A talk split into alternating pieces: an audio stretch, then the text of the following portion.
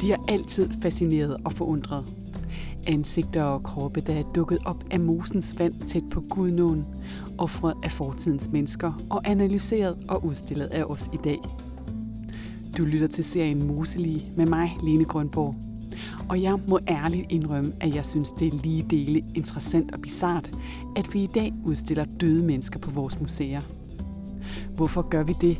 Og hvad kan de her menneskekroppe fra fortiden fortælle os om historien og om os selv i dag? Det prøver jeg at undersøge med den her serie. Og når det handler om moselige, så er der altså to personer, to superfund, som er særligt interessante, fordi de er ekstremt velbevaret. Det ypperste offer, man kan give, jamen det er jo mennesket. Og han er jo ufattelig smuk. Den fineste hud. Øh, hænderne, der ligner vores fuldstændig. Den ene er gravbællemanden. Han er fundet i en mose tæt på Gudnåen, og du kan finde ham på Moskov Museum, som vi lige hørte Pauline Assing, leder af udstillingsudvikling på museet, fortælle om her. Og den anden er Tollundmanden. Ham finder du på Museum Silkeborg, hvor jeg har fået forskningschef Nina Helt Nielsen til at vise rundt. Det er vores stjerne her på museet. Jamen, det er fuldstændig vanvittigt, så godt bevaret Tollundmandens ansigt er. Altså, man, øh, jamen, han ligner en, der kunne vågne op hvert minut. I podcasten besøger jeg også andre muselige for at drage paralleller og perspektiver på noget af den Danmarks historie, der har fascineret os mest gennem tiden. Og i det her afsnit, der kommer vi helt tæt på den fascinerende avningkvinde på Museum Østjylland, og det gør vi i selskab med museumsinspektør Liv Rea Langberg. Det er nok mest velbevaret på hende, det var brystet, som blev beskrevet som ganske fyldigt, og øh, så var det ansigtet. Og det her ansigt blev beskrevet efterfølgende som, som med de fineste træk, men at man også så, hvordan hun øh, var nærmest grædende. Har man haft fodvorter i jernalderen? Hvordan så datidens mennesker ud, og hvad har de egentlig spist? Du lytter til det fjerde afsnit af podcasten Moselige, hvor det skal handle om, hvad Moselivet det kan fortælle om livet i jernalderen. Og vi begynder den fortælling på Moskov Museum hos Pauline Assing, der fortæller om alle de undersøgelser, gravballemanden har været igennem, og hvad de kan fortælle. Jamen på baggrund af de undersøgelser, der blev lavet af ham, både videnskabelige undersøgelser, både i 52, øh, hvor han blev undersøgt på det, der hed Aarhus Kommunehospital dengang, og så i 2000, hvor han øh, også blev undersøgt på de oceanske universitetshospitaler, men med moderne øh, undersøgelsesmetoder, såsom CT-scanning og MR-scanning. Jamen så kan vi sige i dag, at han til synlædende var frisk og rask. De har ikke fundet nogen sygdomstegn, sådan som man kan skønne det i hvert fald. Han øh, har været omkring 34 år, da han døde. Han har været, vi, ud fra hvad vi tænker omkring jernalderens mennesker, omkring 174 cm høj hvor gennemsnittet har ligget på 170 par 70 eller sådan noget på det tidspunkt. Så man kan sige sund, frisk, i vores øjne ung mand, men jo ikke dengang. Han har været over sin mand, en mand i sin bedste alder dengang, kan man sige, fordi der, der var gennemsnitsalderen meget lavere. Og øhm, han, ja, vi ved jo, vi kender jo til dødsårsagen. Vi ved, at han øh, kort før han døde, der har han fået et måltid, en grød eller vælling, som har været sådan en halv liter stor.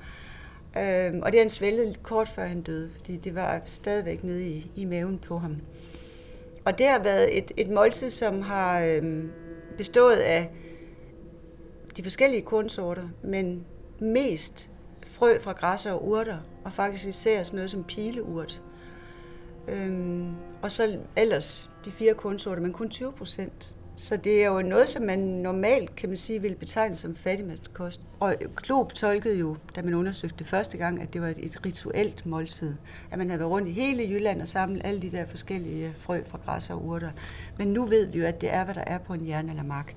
Retter, eller rettere sagt, når man har tærsket sit korn, så flyver, ryger de, de, de store korn, det man går efter til brødbanding osv., de ryger længst væk, men det lette materiale, avner, frø fra græs og urter, det ligger lige foran en, så vi kalder det, og der var også mange avner i hans mad, så det er en form for tærskeaffald. Skal vi kalde det dyrefoder, skal vi kalde det vinterens sidste reserver. Men som sagt også, samtidig også noget, der har med marken at gøre med øh, det, vi dyrker, med frugtbarhed på marken. Og så, under, og så tænker man, um, er det vinterens sidste reserver, er det fattigmandskost, han har fået, eller mange af dem har fået. Hvis man så analyserer hans hår, med noget, der hedder en kvælstof 15 isotop af et hårstrå, så kan man se, at han, øh, og det var 9 cm langt, hans hår, så det vil sige, at når det vokser cirka en måned cm per år, og der kan man se, at han i de ni måneder rent faktisk har fået rigtig meget kød, altså øh, animalsk føde, så det kan være kød, og det kan være ost, og det kan være æg. Og det svarer også til den viden, vi har på baggrund af undersøgelser af knoglemateriale fra jernalderen, at de virkelig har været kødspisere i jernalderen. De har selvfølgelig også spist, spist grønt, men det er kød, der har været det dominerende. Så derfor undrer vi os over, at mange af moslinen har fået den her nødkost, dyrekost.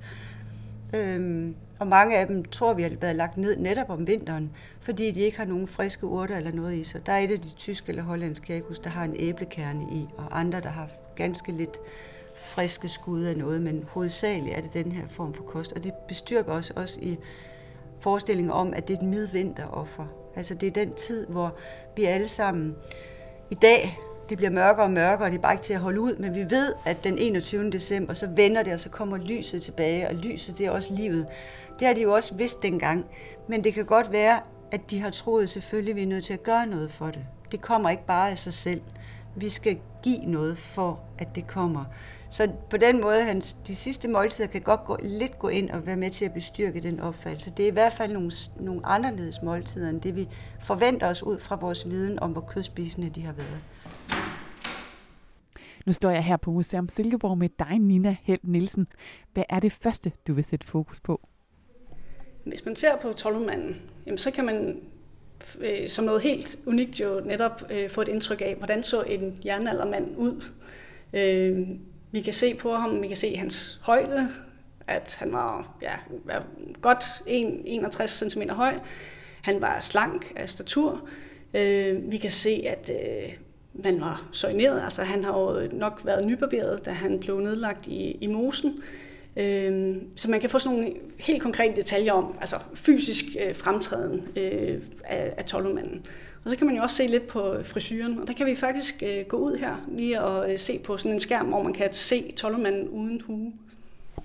Så bevæger vi os her fra øh, lokalet, hvor tolvmanden ligger, og ud i selve udstillingen. Så har du en montre herover. Hvad er det, vi kan se her?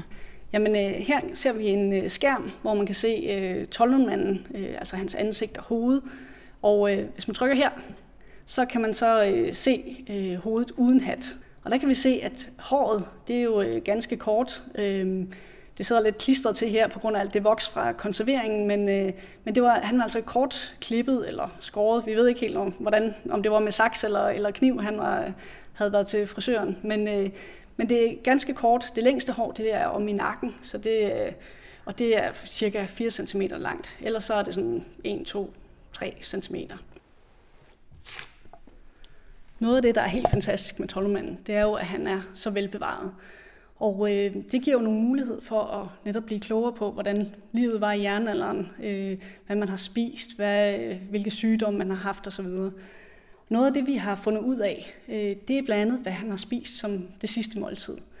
Øh, allerede i 1950 der lavede man nogle undersøgelser øh, af maveindholdet, øh, men øh, i dag er man jo blevet meget klogere på øh, dels øh, at identificere de her forskellige planterester, og, og så er der også kommet en masse nye metoder, som man kan bruge til at undersøge maveindholdet. Så det har vi lige fået afsluttet her sidste år, og der er vi blevet meget klogere på, hvad hans måltid, sidste måltid egentlig bestod af. Og det vi står og kigger på nu, det er jo så jeres nye udstilling, hvor I har forskellige ting øh, udstillet i forhold til, hvad det er, han har fået at spise. Hvad er det, vi kan se herovre? Her der kan vi se en øh, stor skål med byg. Det er det, der dominerer øh, montren her. Og det er fordi hovedbestanddelen af måltidet, det var byg. Og så har vi en skål med bleg pilurt og en skål med hørfrø, som også var, var nogle ingredienser, som tydeligvis er blevet tilsat den her grød. Og så ligger der sådan forskellige skeer med øh, øh, en masse andre forskellige øh, ukrudtsarter, og øh, måske, hvad skal man sige, en halv fuld sand, som også er havnet i måltiden. Fordi udover byg, bleg pilurt og hør, så fandt man rester af omkring 20 forskellige øh, andre planter, som er havnet i måltidet. Men de udgjorde så lille en del, så de er formentlig, formentlig bare kommet dertil med ja, øh, tilfældigt, og ikke en decideret ingrediens, man har tilsat øh, måltidet. Noget af det, som er rigtig, rigtig spændende, og som vi fandt ud af her bare for nogle få måneder siden, det var, at øh, Tollemans sidste måltid ikke bare bestod af den her byggrød, men også formentlig af fisk. Fordi vi har fået lavet proteinanalyser af, af det her maveindhold, øh, som øh, helt øh, utvetydigt pegede på, at fisk også var, var del af måltidet. Så formentlig stammer øh, fedtet faktisk fra, fra fisken, så det er nok en eller anden fed fisk, han også har fået at spise. Og det her sidste måltid, det ved I jo faktisk så meget om, at I jo stort set kan rekonstruere det. Er det en grød, du selv har smagt? Jeg har ikke smagt det endnu, men øh, på et eller andet tidspunkt skal vi jo nok prøve at lave en rekonstruktion af den. Tilbage i 60'erne var der et, øh, et engelsk, øh, nogle engelske arkeologer, der lavede en rekonstrueret grød ud fra øh, det, man havde fundet ud af ved de første undersøgelser. Og de var ikke videre begejstrede, så jeg tvivler på, at det kommer til at smage mega godt, men øh, det skal jo næsten prøves.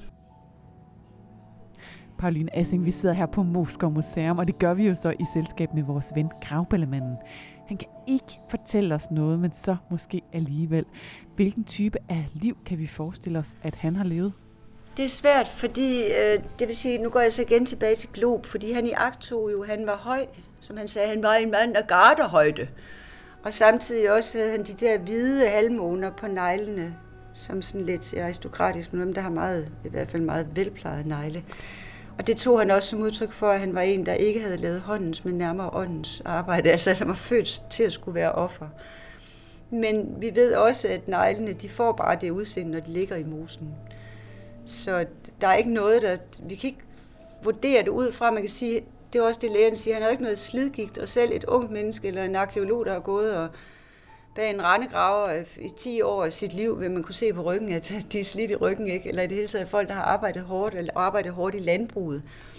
Og øh, hvis han er gået bag en okse det meste af sit liv, og ellers arbejdet hårdt, øh, så vil man kunne se det på knoglerne, skønner de, og det kan man ikke. Altså han ligner ikke en, der har haft usædvanligt hårdt arbejde.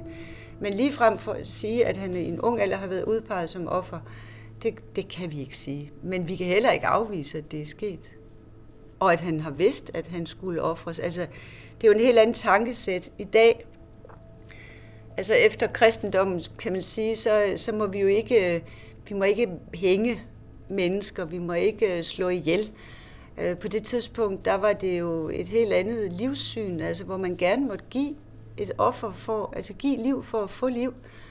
Så, så det, det er jo det tankesæt, vi skal ind i. For eksempel har vi jo i udstillingen nogle offrede hunde, hvor vi har lavet en pige, ligesom være den, der giver sin hund til offring, og prøver at lave, lave det udramatisk, og så, så vores gæster og børn med voksne kan for, virkelig også komme ind og tænke, wow, jamen siger hun giver jo hundene, fordi det er så vigtigt for dem alle sammen, at hun giver den gave.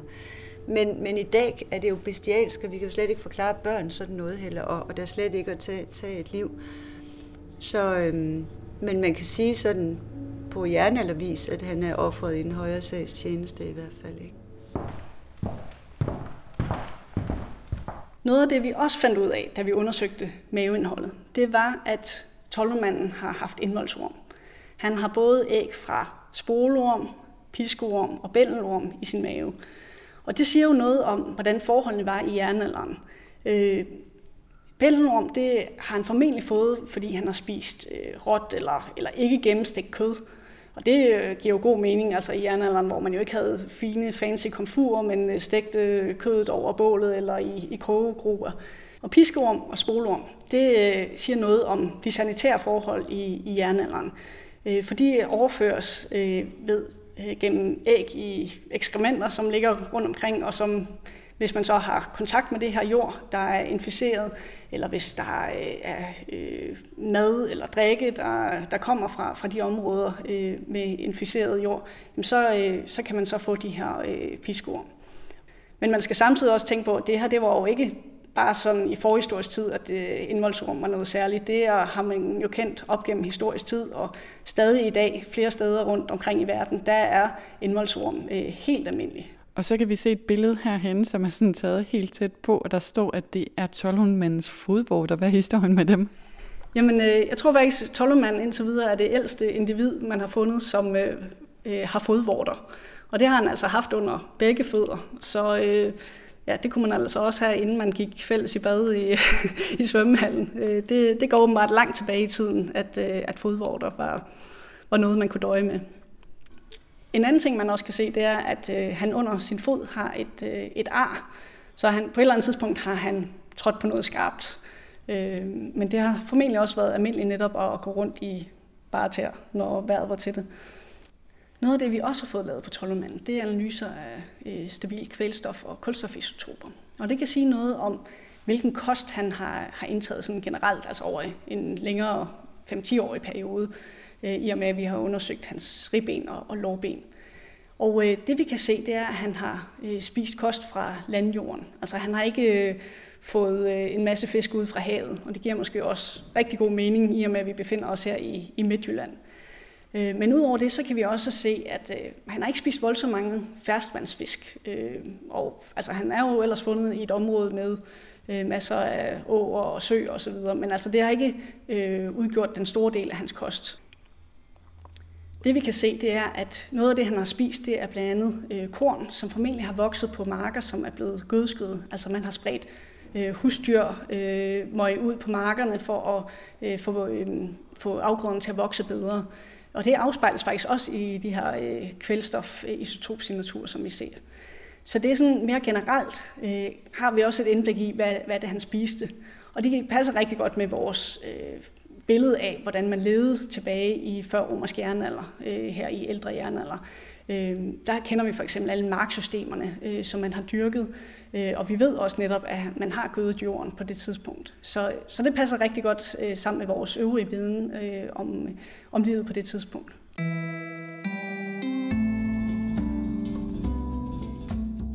sagde her Nina Helt Nielsen fra Museum Silkeborg. Og nu forlader vi altså vores to hovedpersoner og superfund for at se på et andet ret interessant moselige, som du selv kan tage til Randers på Museum Østjylland for at se. Det er Avning-kvinden, der kan gøre os klogere på tekstiler, mode og hår i jernalderen. Og her er det museumsinspektør Liv Rea Langberg, som viser rundt. Det, jeg vil vise dig nu, er Avning-kvinden, som vi har udstillet herinde i vores oldtidsudstilling i jernalderdelen. Og vi skal den her vej? Vi skal den her vej. Og nu fornemmer man sådan, hvordan det langsomt bliver mørkere. Kommer ind i et lille rum her, hvor øh, materialet hernede, når vi kigger ned, det er også lidt anderledes. Hvad er det, I har gjort ved gulvet her? Vi har prøvet at, at lave det, så man fornemmer, at man er i en mose med den gyngende undergrund og de, de øh, mørke farver, og så man føler, at man virkelig kommer ned i, i et rigtigt moseområde. Og hvor har vi hovedpersonen henne? Vi har Avning Kvinden hernede i hjørnet, hvor der er lidt lys på, hvis vi går hen og kigger. Det vi ser her er en stor montre med Avning Kvinde liggende i bunden. Øh, hun ser sådan relativt, det ser relativt makabert ud. Hun er, man kan se delvis en, en masse knogler, man kan også se noget hud, og man kan se ansigtet. Og så er hun liggende på sådan et, øh, et, øh, et, et skin ovenpå på sådan en, øh, en tørve bund. Og så ovenover hende, længere op i montren, finder vi øh, to stykker, store stykker tekstiler, som, som blev fundet sammen med hende. Dengang man fandt Avning-kvinden, der, der vidste man faktisk ikke til at starte med, at øh, vi havde med et, et, et, et lig at gøre. Først så troede man, at, at det var det var et kreatur, der var der havde øh, forvildet sig ud i mosen, øh, og det gjorde egentlig bare, at, øh, at øh, tørveæltningen, som man var i gang med på et tidspunkt, den bare fortsat. Øhm, men så pludselig så dukkede der det her helt sorte ansigt op øh, af, af tørven, og, og arbejdet blev så stoppet. Men det betød også, at øh, da de lige så stille fik, fik øh, gravet det her øh, menneske frem, så var det ikke et, et helt menneske, som vi kender det fra andre øh, moselige. Det var i dele, øh, det var i øh, delvist i knogler, det var delvist med, med hud. Øh, nogle, nogle dele, øh, armene var velbevaret, men med, med huller ind til, til knoglerne. Det nok mest velbevaret på hende, det var brystet, som blev beskrevet som ganske fyldigt, og øh, så var det ansigtet. Og det her øh, ansigt blev, blev beskrevet efterfølgende som, som med de fineste træk, men at man også så, hvordan hun øh, var nærmest grædende. Det var sådan, at da man, da man fik øh, hovedet løftet op, så, øh, så rystede man, havde man, man rystet det, og så dele af hjernen faldt, faldt ud. Øh, og det betød desværre, at, at øh, på et tidspunkt, så, så, så faldt øh, kraniedelene og hovedet ligesom sammen. Og da man så efterfølgende skulle, øh, skulle konservere det og finde ud af, hvordan, hvordan bevarer vi det her fremadrettet, så, så øh, valgte man desværre, kan vi sige i dag, en, øh, en metode, som betød, at de, de øh, skar ansigtshuden op i små dele, og tog de dele af kraniet ud, som var der. Så syede man det sammen igen. Jeg vil egentlig gerne have sagt vældig fint sammen, men, men vi kan se på hende nu, at det er nogle meget tydelige sting. Øhm, og så har man fyldt hende, hendes ansigt eller hendes hoved med vat. Øhm, så det egentlig fremstod som, som et, et, et helt ansigt øh, en gang til. Men da ansigtet så ligesom tørt ind, så, øh, så begyndte det simpelthen at skrumpe som et egentlig skrumpehoved. Så, så det i dag fremstår som væsentligt mindre, end, end det har været på, på, øh, på daværende tidspunkt. Og nu ser vi jo så i det her afsnit af podcasten på, hvad de her moselige, de egentlig kan fortælle os om livet i jernalderen. Og vi står her og kigger på Avnenkvinden, og hun kan jo selvfølgelig ikke fortælle os noget. Men hvad kan du som arkeolog og museumsinspektør alligevel uddrage, når du står og kigger på hende? Hvad kan vi sige om livet i jernalderen, når vi kigger på hende? Dels så kan vi jo, øh, så, så har vi jo den historie om, om, om Moseli, som vi også har hørt øh, i tidligere udsendelser. Men, men det, der er specielt ved Avning-kvinden, det er, at hun har fået nogle tekstiler og noget klæde med sig, som faktisk er ganske godt bevaret. Så vi kan ved Avning-kvinden få at vide, hvordan har de gået klædt, hvordan har hun i hvert fald gået klædt, øhm, og hvordan har de, øh, har de øh, er tekstilerne blevet, blevet behandlet og farvet. Og lad os prøve at gå lidt ned ad det spor. Altså, hvad er det så for noget tøj, hun havde på? Kan du prøve at beskrive det? Dels så var hun øh, blevet lagt på et, et, øh, et ugavet øh, stykke, stykke skin på bunden, som hun har lagt til hvile på.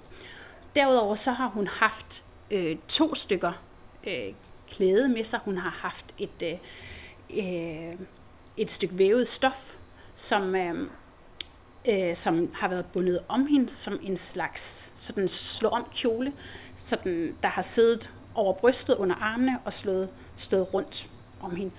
Og så har hun haft en kappe med sig, som ikke nødvendigvis har, har været rundt om hende, men måske sådan mere, øh, mere lagt over hende. Kappen, hvis vi tager den en af gangen, kappen, den kan vi se, den er syet sammen af, af op til 10 stykker skind, der har været øh, pels på øh, indersiden, som, som hun har båret. Selve pelsdelen har været mod huden. Det er syet øh, meget, meget fint. De stykkerne passer sammen hele vejen rundt. Så der er en krave på, som, de, som er blevet øh, vendt, så den ligesom er mere kraftig, og der er en lille lukkemekanisme. Man kan så også se, at selve kappen er blevet repareret flere gange. Der er ingen tvivl om, at den er blevet brugt rigtig, rigtig meget. Og man kan se, at de reparationer øh, den måde, man har repareret på, øh, har ikke været så fin som, som selve det arbejde, som, som ligger bag konstruktionen af kappen. Hvis vi så kigger på, på den øh, slå om kjole, det tekstil, hun har haft på som, som, øh, som tøj, så øh, er det øh, et, øh, et vævet stykke, stykke klæde, øh, som har bestået af, af lyst og mørkt, øh, naturligt øh, pigmenteret, øh, far, øh, naturligt farvet øh, øh, uld fra får, som er vævet ind i sådan et øh, ternet mønster. Og det har så været farvet øh, med naturfarve, så man har fået sådan en, øh, et øh, ternet klæde af, af gult og grønt. Meget, meget fint.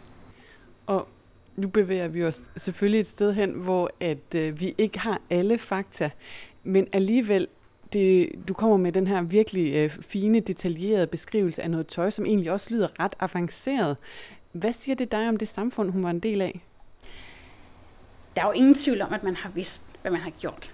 Øh, og man har også gået op i, hvordan tøjet har været. Altså man kan sige, i bund og grund at der er jo ingen, ingen øh, grund til at, at, øh, at væve sit stof, så det er ternet, og der er ingen øh, Øh, grund til, at man, man farver sit stof. Så man har gået op i, at det har, har set fint ud. Og det samme med, med kappen, altså det, det er et meget fint stykke arbejde. Man har brugt tid på det.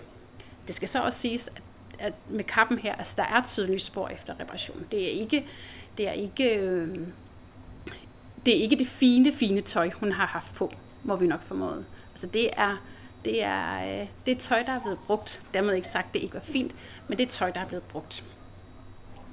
I dag så taler man jo rigtig meget om klimaforandringer og ændringer i temperaturen, men tøjet kan vel også fortælle noget om det klima, hun ligesom levede i? Det kan det helt sikkert. Og vi er jo også ude i, i øh, tekstiler, som er lavet på baggrund af, af de, øh, de dyr, man har haft. Øhm, det skal så også siges, at, øh, at, at hun er jo højst sandsynligt blevet øh, dræbt og offret, hvis det er det, der har været tilfældet, i en vinter. Øh, hvilket jo også ses ved den, øh, ved den kappe, den, det, det varme øh, tøj, hun har haft øh, omkring sig.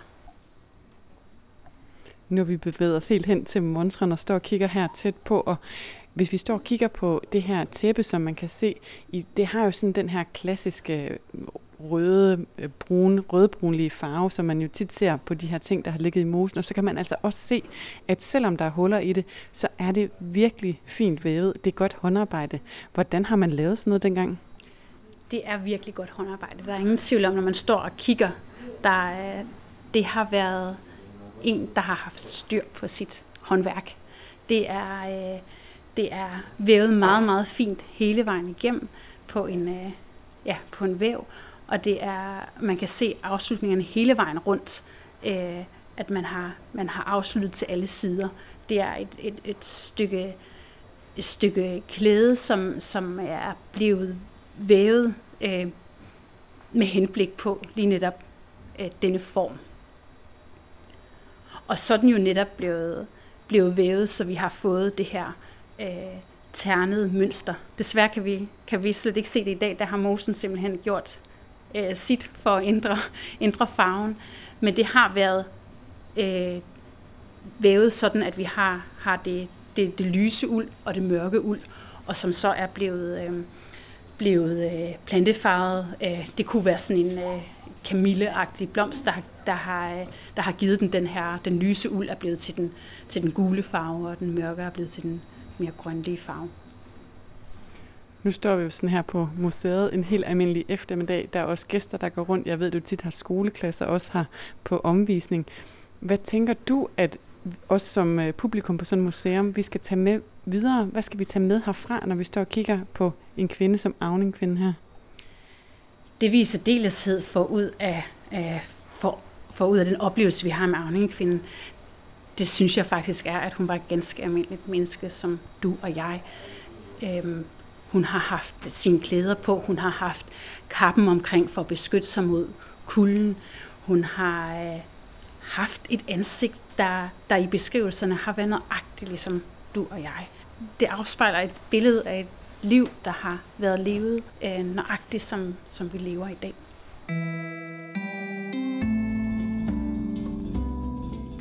Du har lyttet til fjerde afsnit i serien om Moselige. Avningkvinden kan du som nævnt finde på Museum Østjylland i Randers.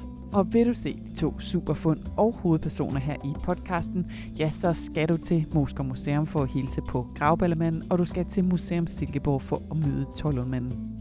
Og hvis du vil vide mere om Moselige langs Gudnåen, så kan du gå ind på oplevgudnå.dk podcast og læse meget mere. Og du er selvfølgelig meget velkommen til at dele podcasten eller give den stjerner med på vejen, hvis du vil have andre til at finde den. I næste afsnit, der slutter jeg serien her, og der skal det handle om muselivet på museum.